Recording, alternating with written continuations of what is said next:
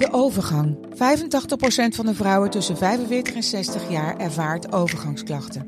Klachten die kunnen leiden tot een verkeerde diagnose of langdurige arbeidsongeschiktheid. Wat kun je doen als je overgangsklachten ervaart? Hoe maak je dit bespreekbaar op je werk? En als jouw medewerker bij jou komt, wat kun je als werkgever dan doen? Sector Instituut Transport en Logistiek heeft een kennisplatform ontwikkeld waar jij terecht kunt voor tips en adviezen. Wil je er meer over weten? Kijk dan eens op stl.nl/slash overgang. Dit programma wordt mede mogelijk gemaakt door de Krasloten Decemberkalender. Zo doet zij dat, de podcast van Vrouw. Mariket Hart en Sabine Leenhout zijn vrouw-vrouwen van het eerste uur. Maar hoe doen zij het eigenlijk? Niet.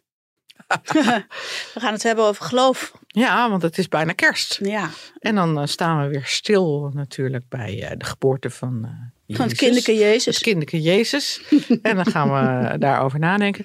Hey, ik wil eerst even een tip geven. Ja. Mocht je nou nog geen cadeau hebben voor uh, kerst. Want uh, 52% van de mensen die uh, is helemaal niet blij met zijn of haar kerstcadeau. Ja. Dan hebben wij een hele goede tip. Ja. Geef een abonnement op Vrouw Glossy cadeau. Ja, precies. En dat doe je door te klikken op vrouw.nl schuine streep abonneren. Ja. En dan, uh, dan kom je vanzelf op de pagina en dan kan je iemand een abonnement nemen op Vrouw Glossy. Je kan er natuurlijk ook zelf eentje nemen. Voor weinig, hè? Heel weinig. 18 euro per jaar Ja. als je je voor drie jaar abonneert. Ja, en als je je voor één jaar abonneert, dan is het, uh, wat is het, 21, 21 euro per jaar. Ja, dus uh, nou, Dus top cadeau. En dan haal je er gewoon even die eentje die nu in de winkel ligt. En Ja. daar doe je dat bonnetje in. En dan heb je gewoon een superleuk cadeautje. Ja. Maar goed, we gaan het hebben over geloof en over kerst. ja, maar heb je je nog ergens over opgewonden? Nou, nogal. Het opgewonden standje.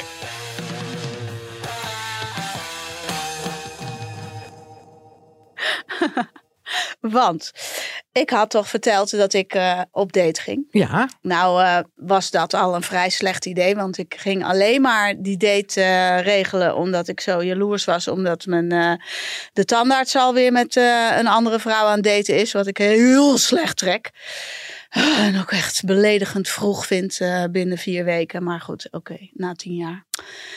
Anyway, ik had dus een gozer gespot op een uh, online uh, dating site. die heet Happen. Die gozer die zag er echt wel, wel leuk uit. Weet je, heel sportief. En hij had ook nog een, foto dat hij in zijn korte broek. Hij zag echt goed uit. Hij had hele leuke skifotootjes. dat hij in de tiefsnee heel mooi spoortje trok. En mountainbike foto's. Alles erop en eraan. Dus ik dacht, nou, daar kan ik op zijn minst een gezellige avond mee hebben. Mhm. Ik maakte beginnersfout nummer één om met hem af te spreken om te gaan eten. Ik zat helemaal in. waarom is dat een fout? Nou, omdat als het niks is, dan kan je niet wegrollen naar één biertje. Oh ja. Ja. En ik had ook nog tegen het restaurant. Uh, ja, ik had mezelf gewoon voorgenomen om daar even te eten.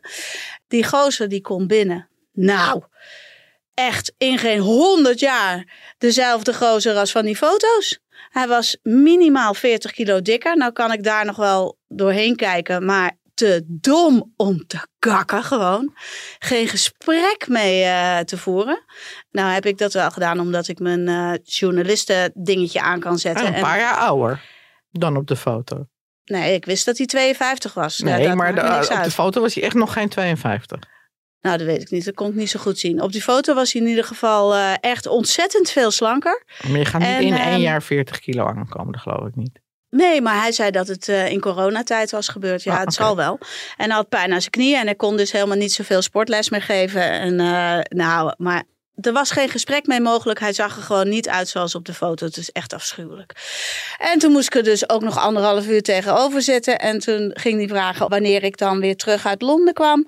En uh, wanneer we dan weer af gingen spreken. En toen zei ik, nou, ik ga helemaal niet meer afspreken. Daar was hij nogal over verbaasd.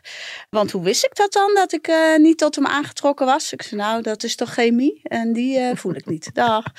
En toen ben ik weggegaan. Toen heeft hij nog twee uh, halfslachtige voiceberichtjes ingesproken op mijn WhatsApp. dat hij het zo'n ontzettend leuke avond vond. Oh ja, en ik had ook nog betaald, want dat schoot allemaal niet op. Dus toen dacht ik, nou, ik betaal maar even snel, dan kan ik weg. Toen ging hij nog inspreken dat hij het zo bijzonder vond dat ik voor hem betaald had. Nou, hij had ook echt geen piek in zijn zakken. Echt, nou, het was gewoon één grote aanfluiting. Ik ben voor goed genezen, dus ik ga niet meer op die sites. En ik ga niet meer uh, Nee, je op gaat deze niet meer daten manier- met onbekende mannen? Nee, alleen als een vriendin zegt, met deze man moet je even gaan daten. Dat is een leuke vent. Maar ik ga dit niet meer op deze manier doen. Daar ben ik echt te chic voor. Oprotten. Dus dat, daar heb ik me nogal over opgewonden. ik heb er overigens wel daarna vreselijk om gelachen. Want eh, ik ging meteen mijn zus bellen en mijn vriendinnen. Mhm. En die wisten, die wisten niet zo heel veel dat ik dit ging doen. Ik had het in de podcast gezegd, dus de hele wereld weet het. Maar op dat moment wist het niet zo. Maar ik zou het wel leuk vinden voor een rubriek. Dat je dan gewoon tien weken lang elke week een andere date maakt. Ja, leuk. Ja. Nou, dan moet ik nog even. Als jij die dates voor mij gaat regelen. Ja, prima. Als ik mezelf niet hoef te etaleren. In, eh, misschien kan ik gewoon het eh, Telegraaf. eh, ik ga even op die fotowall kijken die wij hier hebben hangen. Nee, we zetten, gewoon, we zetten gewoon een oproep in het magazine. Wie wilde met Sabine op date? Oh, wat erg. Oh, wat erg. En dan gaat het vanzelf. Dan komen ze vanzelf binnen hoor. Oh. En dan wil ik ze best uitzoeken. Oh,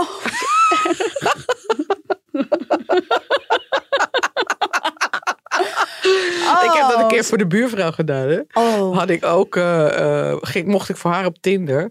Kom ik bij een keel, hele knappe man, Ja. Antilliaanse man. Ja. Ik zeg, eh, ik werk bij Mediahuis.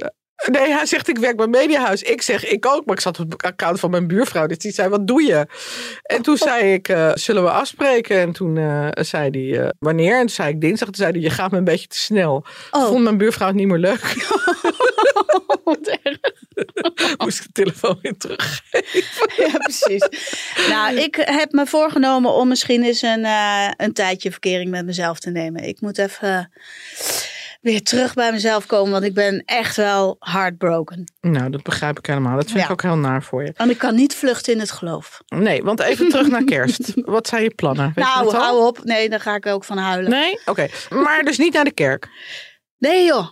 Nee, ik ben totaal niet gelovig. Ik ben ook niet gelovig eh, opgevoed. Ik heb wel een doopnaam, maar dat was alleen eh, omdat in 1969 eh, mijn ouders nog een beetje onder het juk van hun eigen ouders zaten. En zij heel moeilijk aangekeken werden als ik geen doopnaam zou hebben. Mhm. Maar mijn eh, zus heeft al geen doopnaam. Maar Ehm, waren jouw ouders zelf katholiek? Nee, mijn, eh, mijn vader komt zelfs uit een gereformeerd gezin. Ja. En mijn moeder was wel, daar werd wel een geloof aangehangen, maar ze is niet heel gelovig opgevoed. Nee. Maar eh, mijn opa en oma Leenhouts, die bidden voor het eten en eh, die waren echt wel heel erg gelovig. Mijn vader is op die manier opgevoed. Die vond het belangrijk dat eh, mijn zus en ik, eh, en mijn moeder trouwens ook, maar die vonden het belangrijk dat wij de verhalen kenden. Mhm. Ik zat op een katholieke lagere school, maar dat was gewoon demografisch, zeg maar. Want die, Ja. dat was gewoon de school die het dichtst eh, bij ons huis was. En dat was niet volgens een katholieke leer, maar daar zat wel dat je de communie en zo kon gaan doen. Maar dat hoefde ik dus niet te doen. En er zat één Marokkaans meisje bij mij in de klas in Marhezen, was heel uniek. En die hoefde dat natuurlijk ook niet te doen. En ik baalde er alleen maar van dat ik niet zo'n mooie nieuwe jurk eh, zou krijgen. Dus ik mocht wel mee naar de kerk met de klas. Dus dat mijn klasgenoten communie eh, mochten gaan doen. Maar ik mocht dus niet bij die lessen zitten die zij kregen van meneer Pastoor over de communie. Ja. Ook bijzonder, hè? Die uitsluiting slaat toch helemaal nergens op. Ja. En mijn moeder had dus wel ervoor gezorgd dat ik een cadeautje kreeg. En net, net zoals, ja, in, ik ben in Brabantsdorp opgegroeid. Ja, dat is echt wel een happening, de communie. Ja. Hè, dan krijg je een nieuwe jurk en dan eh, wordt de familie uitgenodigd. En dan is er taart en cadeautjes. En eh, nou ja, dat was er in mijn geval dus niet. En toen heb ik ging ik daarna naar het Bisschoppelijk College, de middelbare school. Daar had ik eh, godsdienstles, maar dat heb ik uiteindelijk maar één jaar gehad, omdat die godsdienstleraar was tevens een eh dominee. En ehm, die ging dus tijdens de godsdienstlessen mijn moeder af zitten vallen, omdat die werkte. Oké. En toen ging ik dat thuis vertellen dat dat gebeurde. En toen hebben mijn ouders eh, op hoge poten eh, naar school gebeld dat dit gewoon echt niet kon. Ja. Toen hoefde ik nooit meer godsdienstles te volgen. Oké. Maar zij vonden het wel belangrijk dat ik wist wat de Bijbelse verhalen Ja, waren. ja. En omdat zij vinden dat dat over normen en waarden gaat. En eh, verder niet zoveel met eh, of je, God nou wel of niet bestaat in de vorm zoals de Rooms-Katholieke Kerk dat voorschrijft. Nou, dat was bij mijn ouders anders. Vertel. Nou, mijn vader is ook protestants opgevoed in eerste instantie. Maar na de Tweede Wereldoorlog hadden mijn opa en oma zoiets van nou, we geloven niet dat er een God is die dit soort dingen doet. Dus uh, zijn ze eigenlijk een beetje van het geloof uh, afgestapt. Mhm. Nou, mijn moeder is, haar vader was Joods. Dat heet dan een vader Jood en haar moeder was niet Joods. Nou, die ouders van hem die vonden het heel erg dat hij met een niet-Joodse vrouw uh, trouwde. Zij zijn overleden in een concentratiekamp. Hmm. En mijn opa heeft ook een paar jaar ondergedoken gezeten. Nou ja, ik heb daar een heel klein beetje van meegekregen in die zin dat wij op zaterdag dan alleen maar brood aten. En dat er niet zoveel varkensvlees bij ons thuis werd gegeten. Maar eigenlijk waren mijn uh, ouders dus helemaal niet bezig met het geloof. Sterker nog, bij ons uh, was een sticker op de wc met lang leven de openbare school. Ja, ja. Dus uh, mijn ouders die geloofden heel erg in alle kinderen samen onder één dak. Hm. En daar ben ik het eigenlijk wel mee eens. Ik vind eigenlijk dat onderwijs en religie niet zoveel met elkaar te maken hebben. En ja, ik denk dat als kinderen alleen maar op een islamitische school of op een joodse school of op een katholieke school zitten. Dus ook alleen maar met kinderen met hetzelfde geloof in de klas, dat dat niet heel goed is voor de integratie. Nee, nee, nee, denk ik ook. Ik heb uiteindelijk uh, nu in mijn volwassen leven ook wel eens gesprekken met mijn ouders over het geloof gehad. En mijn moeder, die, ja, die heeft toch nog wel die oude normen. Die zitten nog wel in haar. Als ik godverdomme zeg. Op een of andere manier uh, is ze dan toch nog bang voor het hellevuur waar ze in uh, terecht zou kunnen Mhm. komen. Terwijl ze eigenlijk niet gelooft. Dus ik, ik vind dat heel dubbel. En zij vindt het dan disrespectvol naar de mensen die wel geloven. Als je zoiets uh, zou zeggen. Ja, ja, ik ben het daar niet helemaal mee eens. Ik vind wel dat je respect moet hebben voor wat andere mensen geloven. ik en ik vind het ook wel heel fijn dat sommige mensen, gelovige mensen, heel veel steun krijgen uit datgene waar ze in geloven. Maar ik vind dat er vanuit die godsdienst te veel misstanden zijn en mensen zich te schandalig gedragen om je dan te kunnen verbergen achter je geloof.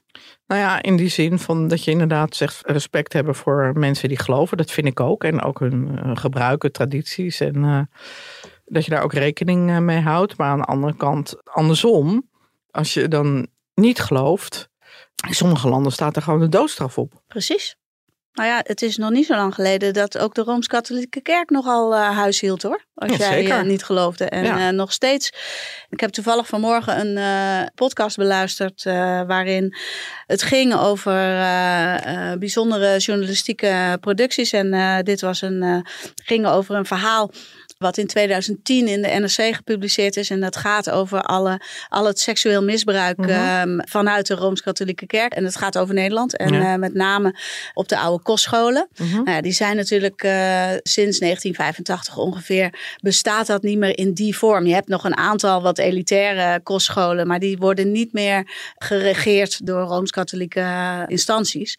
Maar vanaf 1945 tot 1985 zijn er meer dan 30.000 uh, uh, kinderen misbruikt. Ja. En die onderzoeksjournalisten die hebben zo ontzettend veel mensen gesproken die bijvoorbeeld pas durfden praten nadat zij zelf gepensioneerd waren, hun eigen ouders al overleden mm-hmm. waren, in sommige gevallen hun partners ook al overleden waren, omdat ze het nooit durfden te vertellen wat er op 8, 9 of 10-jarige leeftijd ja. met hen uh, gebeurde. Mm-hmm. En het afschuwelijke eraan is, is dat al die mensen die dan hoger geplaatst waren, gewoon dit soort uh, plegers overplaatsten. Ja. Dus nou, het Beschermde. is echt. Ja, en Ja. beschermde. Ja. Kijk, nu gebeurt het dan uh, niet meer onder het juk van het geloof. Maar nog steeds in de jeugdzorg en in, uh, in dat soort instanties is het natuurlijk nog steeds orde van de dag. Helaas. Dat er, Ja. Helaas, helaas. Ja, Ja, het is echt afschuwelijk. Nou, ik had dus een oppas, jarenlang is ze bij mij thuis geweest. En zij uh, was dus Jehovah-getuige. En zij werd op een gegeven moment verliefd op een vrouw. Mhm. Nou ja, toen ze dat opbiechte, toen wilde dus een heel groot deel van haar familie, de ex-man, de twee oudste kinderen, de zussen, broers, die wilden allemaal niets meer met haar te maken te hebben. Dus door die verliefdheid verloor zij dus gewoon een heel groot deel van haar uh, omgeving. Dus zelfs het contact met haar twee oudste kinderen. Ja. Ja. En uh, ja, allemaal onder het mom van geloof. En uh, nou ja, dat je dus op zo'n manier wordt uitgesloten. Wordt geëxcommuniceerd, ja. Ja, dat is afschuwelijk. Ja. Nou, het is wel een mooi sprongetje naar degene die wij uh, willen bellen. Ja, zeker. En uh, dat is uh, Jolanda van Baardenwijk heet zij. Mm -hmm. En zij is predikante. Heeft al bij ons in Vrouw ook gestaan, Vrouw Online. Mm -hmm. Want deze predikant die is getrouwd met een vrouw. Ja, en ze werkte voor de protestantse kerk. Ja. Dus ik ben heel benieuwd. Ja, ik ben heel benieuwd.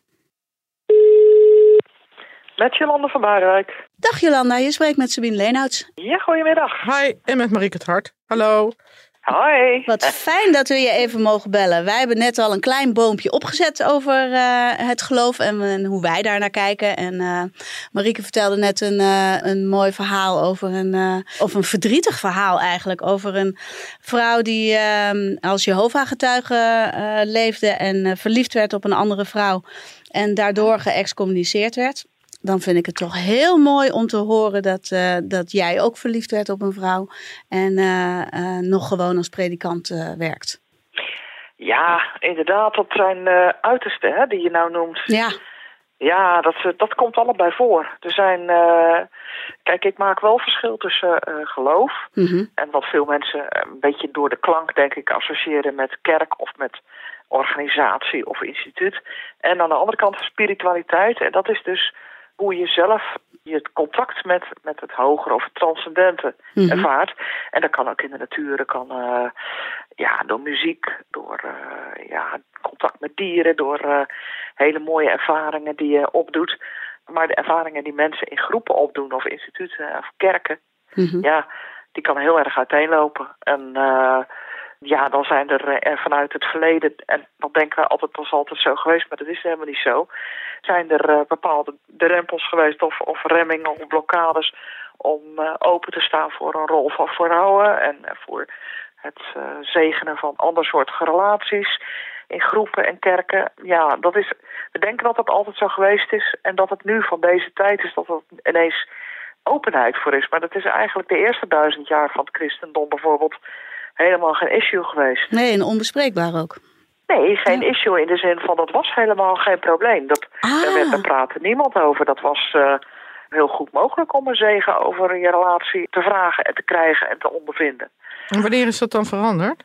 Ja, ik denk in de loop van de middeleeuwen. Dat toen uh, zeg maar het instituut, het institutionele van uh, vooral de katholieke kerk, die je toen alleen nog maar had, mm -hmm. dat daar eigenlijk deuren dicht zijn gegaan en patriarchale van de organisatie zo is gaan overheersen dat nou ja, de aandacht voor het andere, wat je ook in God kunt zien, het moeilijke, mm -hmm. hè, bijvoorbeeld, dat, Mhm. dat is naar de achtergrond verdwenen. Ja, ja. Dus het geloof begon iets strengs te krijgen, iets uitsluitends voor een hoop mensen. En dat associëren mensen nog heel vaak met geloof Ja, en met kerk. ja, precies. Ja, maar dat is eigenlijk niet eh, altijd zo geweest. Nee. Maar toen jij verliefd werd op een vrouw, was je toen al predikant?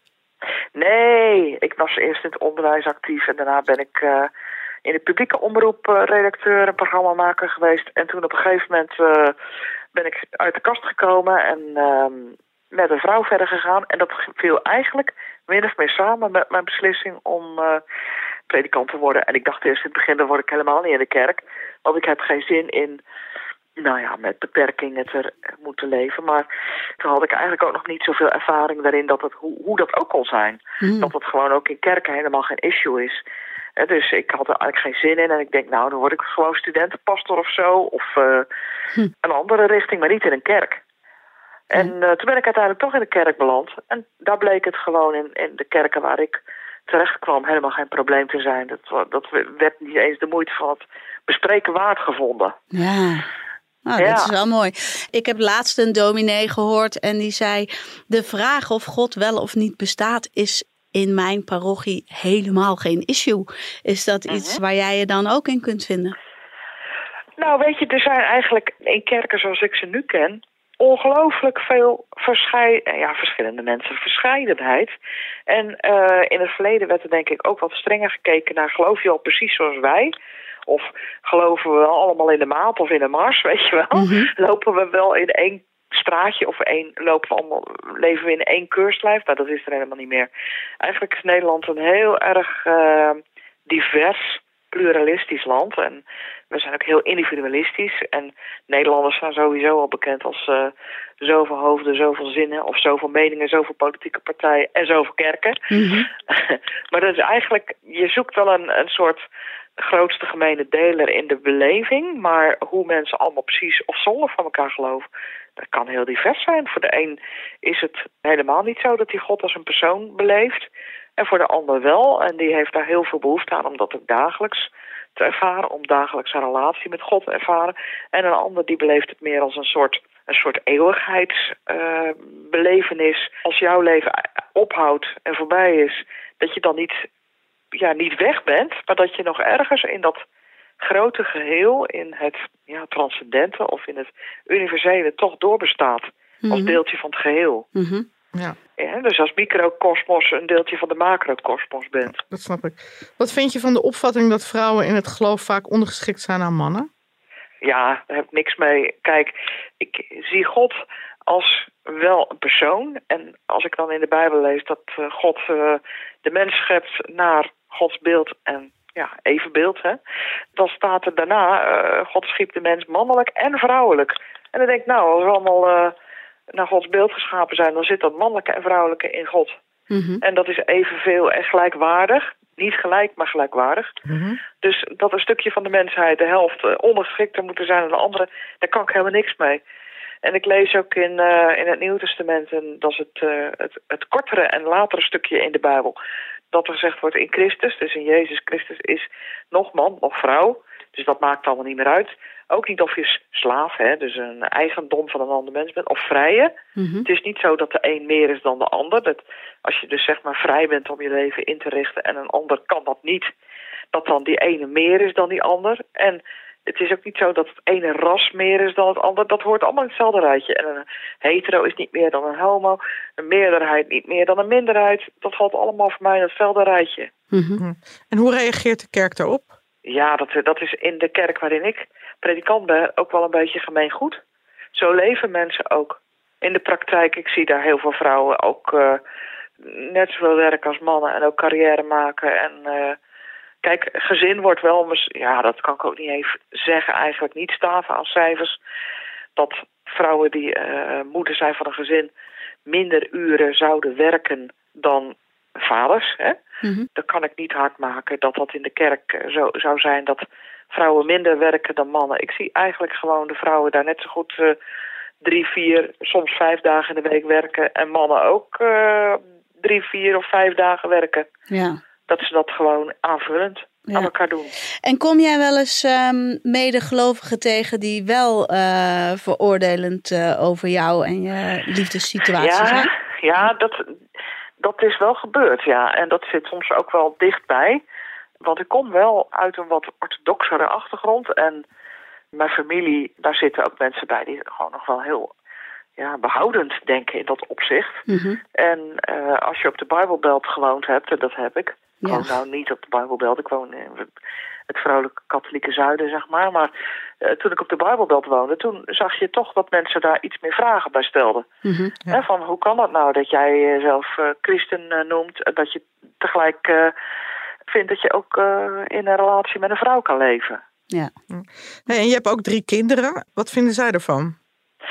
Ja, daar zijn ze helemaal oké mee. Ze moesten natuurlijk even wennen dat ik uit de kast kwam. Want dat betekent voor kinderen ook uit de kast komen. En ik denk dat dat nu eigenlijk amper een issue meer is. Als ik nu zo om me heen kijk en ik eh, zie eh, vrouwen of mannen uit de kast komen... dan is de omgeving vaak helemaal geen probleem. Dus dat is zo maatschappelijk geaccepteerd. En dat geldt dus ook voor de jongere generaties van eh so what... Is dit echt het nieuws wat je wou delen? Dat je dus een andere seksuele oriëntatie hebt? Dat zeggen kinderen niet zo. Maar wel van, so what? What what's new? Hè? Mhm. Eh, dat is voor hen helemaal geen issue. In de tijd dat mijn kinderen ermee moesten dealen, nou, ja, dan heb je het over ehm, zo'n eh 17, 18 jaar geleden. Of ietsje langer misschien nog. Toen was het nog iets meer een issue. Mhm. En dan moesten ze wel even aan wennen. Ja. Maar ze hebben zelf vrienden en eh, hebben in studentenkringen en, en gewoon overal meegedraaid. En eh, ja, dan zijn er ook juist jongeren die bij hen uit de kast komen, omdat zij in ieder geval weten waar het over gaat. Ja, ja, ja. Het is bij hen veilig om dat te doen, uit de kast komen. ja. Nou ja, dat is fijn om te horen. Maar helaas Ja. interviewen wij toch ook regelmatig eh, mensen die er hier toch op een hele andere manier eh, mee moeten dealen. Omdat Ja, ouders eh, dit niet begrijpen of enorm zeker. veroordelen. Ja, dat is jammer. Ja, kan ik ook nog concreet aan toevoegen dat om die reden die jij nou noemt, Mhm. ben ik ooit aan de slag gegaan met een organisatie. Die is voortgezet door Miranda Terpstra.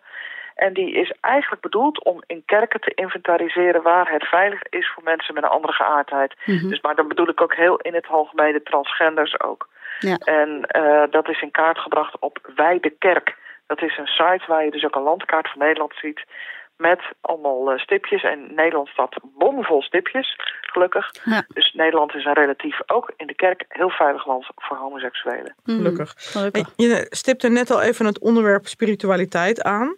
Dat is Ja. natuurlijk heel erg populair. En waar Ja. komt dat volgens jou door? Nou, eh, eigenlijk eh, zie ik eh, spiritualiteit als een behoefte. Net zo goed als eh, eten, drinken, seks, veiligheid en in vrede leven.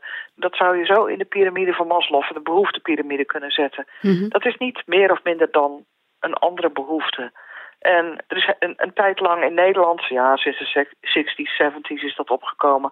De secularisatie is het een beetje lacher gedaan over. Nou, heb je nog wat met geloof? Nou, dan ben je toch al een beetje uit de middeleeuwen. En dat is toch wel zo achterhaald. Je gaat toch niet je laten beperken in allerlei dingen door, eh, door het geloof. Maar met dat is er ook soms vaak een kind met het badwater weggegooid. Mhm. En zie je nu eigenlijk dat de interesse en de behoefte aan spiritualiteit gewoon volop weer erkend wordt en niet als iets oudbolligs wordt ervaren. Maar mensen hebben vaak wel via andere invalshoeken daar kennis mee gemaakt. Bijvoorbeeld door een yoga mee te doen. Of meer in de natuur eh, belevenissen. Bijvoorbeeld ze gaan naar het noorderlicht of andere natuurverschijnselen meemaken. Maar ze ook iets ondervinden van... hé, hey, dit gaat boven mijn verstand of boven mijn eigen ervaring... en mijn belevingswereldje of mijn beperktheid uit. Dit is een mysterie of dit, dit bezorgt mij kippenvel of... Weet je wel, iets, Mhm. iets zo indrukwekkends dat je het niet kan verklaren. En daar houden mensen behoefte aan. Ja, ja, ja. Nou, mooi. Mooi afsluitend Ja. eh, antwoord. Dankjewel. Heel interessant. Oké, Dankjewel, Dankjewel voor je voor je tijd. tijd. goed, graag gedaan. Oké. En eh vrolijk kerstfeest, hè? Dankjewel voor jullie, oké? Fijne kerstdagen. Dankjewel. Interessant. Ja. Ja. Ja, ik vind het wel mooi hoe ook deze vrouw dat goddelijke, wat zij dan nog wel in een persoon eh, ziet, maar ook in dat universeler ziet dan een instituut. Ja, want ja, wat mij betreft schort het dus enorm in die instituten. Weet je, zo'n moraliserende club eh, als eh, de Rooms-Katholieke Kerk bijvoorbeeld, Mhm. die, eh, waar, de, waar, waar zulke afschuwelijke misstanden in de hele wereld, hè? niet alleen in Nederland, maar wereldwijd zoveel misstanden zijn. Ja, dat, ik vind dat wel shocking. Ja, zo'n club die dan dit is goed en dit is fout en dan zelf echt te fout voor woorden zijn. Dat, Ja, dat dat, dat kan er bij mij niet in. Nou ja, wat ik altijd een beetje ingewikkeld vind aan bijna alle geloven, is toch inderdaad, waar ik het net ook even met Jolanda over had, het feit dat mannen dingen opleggen aan vrouwen. Hoe ze zich dienen te gedragen, hoe ze zich dienen te kleden. Ja, ja, maar dat is dus na die duizend jaar Ja. toen die Rooms-Katholieke kerk zo opkwam. Dat, dat gaat alleen maar over macht. En Mhm. ook al die misstanden die komen voort uit het misbruiken van macht. En ik snap ook wel dat als jij, ook met die kostscholen en met die kerken, weet je, als je daar als jong mens inkomt en je wordt dan al misbruikt eh, door je, eh, degene die daar voor je moet zorgen. En je komt zelf dan als monnik eh, ook bij die club terecht. Ja, dat je er zelf ook dat gedrag gaat Maar je vertonen dus nog steeds geen pastoor worden. Er zijn wel wat vrouwelijke imams en er zijn ook wat vrouwelijke rabbijnen. Maar in Ja, de precies. meeste moskeeën en synagogen zul je dat niet terugvinden. Nee, maar in de eh, Rooms-Katholieke kerk ook niet. Nee, er zitten, er zitten geen geen, pastoors- zitten geen zijn geen vrouwen in het. Nee. Vaticaan. Dus hoe orthodoxe mensen zijn, hoe minder vrouwen mogen. Ja. ja, ik vind het walgelijk. Daarom eh, ben ik echt eh, tegen dergelijk institutioneel geloof. Ik bedoel, inderdaad, we hebben het al eens eerder gehad. Als je kijkt naar sister wives. Want dat mag dan van het Mormoonse geloof. Ik mag vier vrouwen hebben. Ja, of van de islam. En, het is gewoon je, en als jij dat Ja. als vrouw goed vindt, eh, dat is gewoon je kaartje naar de hemel. Ik Nou, was in Kenia, was ik ook in een uh, Maasai-dorp. En daar waren dus ook eh, een grote Maasai-gemeenschap. En er was dus een man die leidde ons rond. En die vertelde dus dat de vrouwen die bouwden dus de huizen. Mhm. Waar zij en de kinderen dan woonden. En eh, de mannen, die waren dus ook tussen de, vaak met twee, drie of vier vrouwen getrouwd. Die konden dan per nacht kiezen in welke hut ze gingen slapen. En trouwens ook Rooms-Katholiek. En ik zei tegen die, eh, tegen die jongen. Ik zei, eh, zou het ook andersom eh, kunnen? Van, hè, dat één eh, vrouw vier mannen heeft. Nou, hij kijkt me echt aan van... Ben je niet goed bij je Nou, hoofd? en er stonden dus een paar vrouwen bij. Die begonnen heel hard te lachen. En die zeiden tegen mij, ja, ja, dat is een goed idee. Dat is een goed idee. Ja, Nou ja, ik ben dan altijd maar blij eh, dat ik gewoon eh, niet in een eh, orthodoxe geloofgemeenschap ben opgegroeid. Ja. En dat ik gewoon mijn eigen keuzes kan maken. Ja, maar ja, in Nederland, ik, ik had het namelijk nog even opgezocht eh, eh, hoe het hier zit eh, met geloven. En dat is toch dat eh, eh, zo'n 55% van de eh, mensen boven de 18 is niet gelovig. Dat is eh, voor wereldwijd gezien ook best wel een, eh, een grote groep. Dan heb je eh, bijna 20%, 19,8% is Rooms-Katholiek. 14,5% is protestant. 5% is islamitisch. En dan heb je nog 5% die anders gelovig zijn. En die zijn, dit zijn dan mensen die aangesloten zijn bij een, een religieuze groepering. Mhm. Zoals een kerk of een... Ja. nou. Maar 55% niet gelovig Nee, in maar- Nederland. Maar wat Jolanda ook zei, dat spiritualiteit wordt wel steeds belangrijker. Ik ken dus ook heel veel mensen die niet geloven, maar wel op wat voor manier dan ook bezig zijn met spiritualiteit. Met het iets-isme. Of met het iets is, dus die geloven wel in iets. Ja, maar... eh, Of die zijn heel erg met zichzelf bezig. Ja, je hebt natuurlijk die, die enorme groep die op zoek is naar zingeving. Ja, Ja, dat komt door die individualisering van de dus dat halen ze niet meer uit de Bijbel, maar eh, ja, dat halen ze Nee. dan van allerlei eh, Nee, en andere eh, dingen. Of ze geloven in manifesteren. ik heb het idee dat ik wel snap waar dat hele geloof vandaan komt. Hè? Als je Sapiens leest van eh, Noah Yuval Harari. Die legt op een gegeven moment uit dat op het moment dat er wat meer mensen op aarde komen. In het begin heb je er niet zoveel. Hè? De- ja, ik geloof in de evolutietheorie, dus Ja. eh, niet het scheppingsverhaal. Op een gegeven moment heb je gewoon een clubje mensen. Zeg je hebt er twintig. Nou, er komen er meer, die komen nog andere groepen tegen. Er wordt een beetje. eh, en op een gegeven moment heb je honderd mensen die een soort dorp, die een gemeenschap vormen. Honderd mensen kun je nog wel bij elkaar houden. Hè? Die kunnen nog allemaal hun neuzen dezelfde kant op hebben, Mhm. omdat we met z'n allen eten moeten gaan zoeken of met z'n allen eh, ons moeten beschermen, elkaar moeten beschermen tegen grote dieren die je op willen vreten. Nou, noem maar op. Maar op een gegeven moment worden dat meer en meer mensen. En dan heb je die verschillende groepjes die zich gaan vormen in zo'n gemeenschap. Die heb je niet meer in de hand. Nou, wat is de enige manier om ze allemaal met hun ogen dezelfde kant op te krijgen? Dat is dan geloof. Ja. Dat dat op die manier ontstaan is, daar ben ik eigenlijk wel van overtuigd. En dat is, het is een machtsmiddel. En dan heb je dan die andere kant waar die vrouw het net over had. Dat je kippenvel krijgt van een bepaald soort muziek of van het Noorderlicht. Of, eh, en dat je dat niet kunt verklaren. Ja, en dat is voor sommige mensen heel erg moeilijk. Zij willen overal een verklaring voor Ja. hebben. Als dat dan eh, niet helemaal lukt, ja, dan, dan plak je er eh, iets goddelijks op. Ja. ja. Of je gaat je bekeren. Zou dat wat voor jou zijn? Me bekeren tot Ja. iets? Tot een geloof? Nee, dat zou niks voor mij zijn. En ook niet, ook al word ik nog zo verliefd op een islamitische Marokkaan ooit, bijvoorbeeld. Mhm. Ja, dat kan gewoon bijna niet. Ja, ik kan daar ook niet verliefd op worden. Want ik, ik, ik heb een voorbeeld van eh, een dochter van een vriend van me. Die is verliefd geworden, ontzettend verliefd op een Marokkaanse jongen. En die liefde is prachtig. Hè? Daar, daar doe ik helemaal niks aan af. Maar wij lagen met z'n allen onder een sterrenhemel. En eh, ik eh, sprak hardop uit hoe, hoe mooi ik dat vond en hoe bijzonder. En, eh, en toen sprak hij uit naar haar.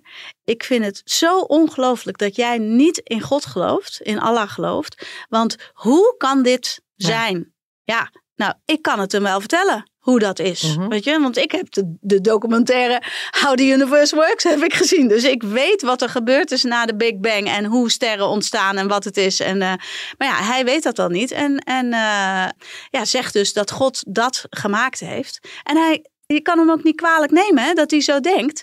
Dus je kan ook niet tegen hem zeggen, ja, doe even lekker normaal. Ga gewoon even Maar eh, zijn- natuurkundeboeken in. Er zijn ook wetenschappers die echt wel in God geloven. Ja, ja, dat geloof ik ook wel. Maar een beetje natuurkundige, die gaat niet zeggen dat de sterren door God geschapen zijn. Die Nee. gaat misschien zeggen dat de oerknal door God geïnitieerd is. Mhm. We hebben ook de rubriek Zo doet hij dat, over mannen gesproken. En daarin laten we een man aan het woord. En niet zomaar een man, Nee. maar onze eigen glossy columnist Bastiaan Ragas. Ja, die goede heeft een vriend boek. van de show. Hij heeft een boek geschreven en het heet Jezus waarom? Ja. Een ontdekkingsreis door de Bijbel. En laten we luisteren wat hij over dit onderwerp te zeggen heeft. Ik heb niet zo heel veel met eh, religie. Ik heb ook niet zo heel veel in de kerk als instituut. Maar ik ben wel enorm onder de indruk van die verhalen die in die Bijbel staan. En omdat ik daar een aardiger, vriendelijker, zachter mens door wordt, door die verhalen te lezen. En dat neem ik ook wel mee in uh, onze opvoeding van onze kinderen. Dat is niet elke dag dat ze moeten luisteren naar allerlei verhalen. Maar het is wel geregeld zo dat ik een verhaal vertel of zeg: Oh, dat, dat staat daar en daar in de Bijbel. Of zullen we eens een keer naar een kerkdienst gaan. Dus het wordt wel meegegeven. Ook omdat ik denk, het hoort ook gewoon bij onze opvoeding. Van de elf vrije dagen, officiële vrije dagen, zijn er acht christelijke feestdagen. Maar we weten eigenlijk niet meer zo heel goed wat het allemaal betekent. Dus om die reden vind ik het eigenlijk ook wel gewoon een deel van je algemene opvoeding. Nou, wat vind ik ervan dat in de meeste geloven vrouwen moeten gehoorzamen mannen? Nou, je zult natuurlijk begrijpen dat ik dat een topplan vind. Alleen mijn vrouw niet en mijn dochters ook niet. Dus daar heb ik mijn mening een beetje moeten herzien. Nee, alle gekheid op een stokje. Orthodoxie binnen het geloof, daar heb ik niet zo heel veel mee natuurlijk. Ik ben heel erg voor gelijke rechten, man, vrouw. En ik ben er juist voor dat we met elkaar proberen te leven met compassie en met gelijkheidsbeginsel. En ik denk dat dat ook niet, uh, althans zoals ik de Bijbel lees, dat dat er ook allemaal letterlijk mee bedoeld wordt. Goed hè? Heb jij dat uh, met je kinderen gedaan? Uh, ja. De Bijbel gelezen en stukken uit de Bijbel nou, wel, voorgelezen? Ja, wel verhalen over de Bijbel verteld, omdat ik op dezelfde manier als Bas daarin sta. Dat ik eh, vind dat het hoort bij algemene ontwikkeling. Je moet, je moet echt wel weten waar al die toestanden op gebaseerd zijn. Zeg maar. maar waarom dan alleen de Bijbel en niet de Torah en de Koran? Nou ja, wel de Torah en de Koran uitgelegd. Wat het basisprincipe daarvan is. Maar ja, ik heb de Koran zelf nog nooit gelezen. En ik weet helemaal niet wat voor verhalen daarin staan. Misschien eh, zijn dat wel gelijksoortige verhalen. Daar ga ik eigenlijk vanuit dat het, dat het verhalen zijn die op elkaar lijken. Maar ieder Bijbelverhaal heeft gewoon zijn eigen moraal en, uh, en daar word je inderdaad een beter mens van. Niet zo super individualistisch en compassie hebt voor andere mensen. En dat hele wie, wie goed doet en goed. Eh, maar heb je daar de Bijbel voor nodig? Nee, daar heb je niet de Bijbel voor nodig, maar het is wel een hele simpele leidraad. Ja. Ja. Ik heb vroeger wel een kinderbijbel gehad. Ja, ik ook. mijn moeder heeft ook wel een soort zoektocht naar zichzelf gedaan. Weet je wel, eerst dan bij remonstrantse broederschap zat ze. En daarna werd ze uh, heel erg humanist. Ja. Is ze ook naar de Universiteit voor Humanistiek gegaan. En ze werd zelfs uh, ja, dus humanist raadsvrouw. Mm -hmm. Maar ik heb eigenlijk mijn eigen kinderen, die zijn ook naar de openbare school geweest. Heb ik nooit de Bijbel uh, laten lezen. Maar die heb ik wel natuurlijk normen en waarden van rekening houden met iemand anders. En aardig ja, zijn voor iemand anders. Ja, maar dat is omdat jij het weet. En ik heb, nou, ik, heb ik denk nooit... niet dat ik daar de Bijbel voor nodig heb. Nee, ik heb ook niet per se met de Bijbel op schoot gezeten. Maar ik weet dat mijn kinderen ook een kinderbijbel hebben. Want die komt via mij in de kinderboekenkast. Mm -hmm. En uh, dat Noah daar zeker uh, wel in gebladerd heeft. En op school, ja, het wordt je toch ook in geschiedenislessen, het wordt je ook wel uitgelegd. Ze hebben geen religieuze uh, scholing gehad. Ik denk dat Bobby er al veel minder mee heeft. Noah is gewoon iets, uh, die zoekt gewoon dingen wat beter uit. Ook omdat hij door mij of uh, door opa, weet je, op vakanties meegenomen werd, ook naar kerken. En uitleg wilde, gewoon wilde snappen waarom al die pracht en pralen en hoe dat dan zat. En dus op die manier. Hij heet Noah. Dus uh, het verhaal van Noah heb ik hem natuurlijk wel verteld. Ja. Dat moet je wel in context doen. Want ja, wie gelooft er nou dat er een gast was die een boot ging bouwen en alle dieren van de wereld erop uh, ging uh, prakken? Ja, dat kan niet. Maar het verhaal daarbij is wel leuk. Ja. Mariek, Ja, heb jij misschien uh, over dit onderwerp wat op te biechten?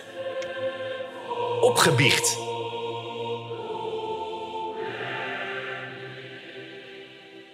Kom maar door. Biechten. ja. Nou, mijn oma, die uh, was ook op zoek naar zingeving. En die geloofde in uh, leven na de dood. Geloofde ze heel erg in. Ja. Dat je dus terug zou komen als iemand anders. En dat je dus meerdere levens hebt. Zij kon zich gewoon niet voorstellen dat, dat je maar één keer zou leven. Oh. En ze deed ook een kaarsje draaien en terug naar vorige levens. En Okay. uh, dat soort Maar dingen. wel als mens dus. Ja, ja. Niet als vogel. Nee, als mens. Nee, niet als uh, kangeroe. Hmm. Dus nou, ik vond het al onzin. Mijn moeder vond het ook onzin. Maar toen overleed mijn oma. Toen was ik 19. En toen weet ik nog dat zij op een dag werd ik wakker. En toen stond ze dus naast mijn bed. Oh, En toen zei ze, zeg tegen opa dat het goed met me gaat. En toen zei ik, ik wil dat je weggaat, ik wil dat je nu weggaat. Toen gingen ze weer weg en kwam nooit meer terug. Misschien heb ik het gedroomd, maar goed. Toen kreeg ik de ziekte van Pfeiffer Ik was flauw gevallen bij de Dirk van den Broek. Oh. En toen bleek dat ik ziekte van Pfeiffer had. En daarna kreeg ik een beetje last van hyperventilatie. Dus ik, ik in hele drukke ruimtes, bij concerten, Paradiso, maar dus bij de supermarkt, dacht straks val ik flauw. Hmm. Nou, een vriend van mij die zei, ik ben naar een hypnotherapeut geweest. Die kan je terugbrengen naar een vorig leven en dan ben je er vanaf. Dus ik naar een vrouw, weet ik nog, in Westzaan. Oudere vrouw. En die zei, oké, ik kan jou daar met één eh, sessie vanaf helpen. Oh, Dus ik nog een keer daarheen. Toen moest ik daar in een eenpersoonsbed gaan liggen. Heeft ze me teruggebracht naar een vorig leven. Ik weet het allemaal nog heel goed, onder Ja. hypnose. Toen bleek dus dat ik in mijn vorige leven op mijn negentiende was overleden bij een brand. oh Dus ik was gestikt. spannend. En toen kwam ik weer bij en toen zei ze, zo, nu ben je er voorgoed vanaf. Nou, ik dacht, wat een onzin. En ik wilde een nieuwe afspraak maken, want ik dacht, eh, hè, is dit al klaar? Ze zei, ze, nee, je hoeft niet meer te komen, het is klaar. Ik dacht, nou, jij wil ook niet veel aan mij verdienen. Nee. Ik heb het nooit meer gehad. Oh, nou Dat goed. is toch een gek verhaal? Ja, dat is zeker een gek verhaal. Ja, Nou, goed verhaal ook. het is wel een goed verhaal, maar ja, ik kan het nog steeds niet verklaren. Nee. Nou, het zou absoluut iets eh, psychologisch zijn. Ongetwijfeld. Zij heeft waarschijnlijk mij gewoon onder hypnose verteld dat ik nooit meer hoef te hyperventileren. Maar ja, ik ben dus wel teruggegaan naar een vorig leven. En eh, ik denk dat mijn oma het zou hebben toegejuicht. Ja, die zou dat eh, wel heel fijn gevonden hebben, ja.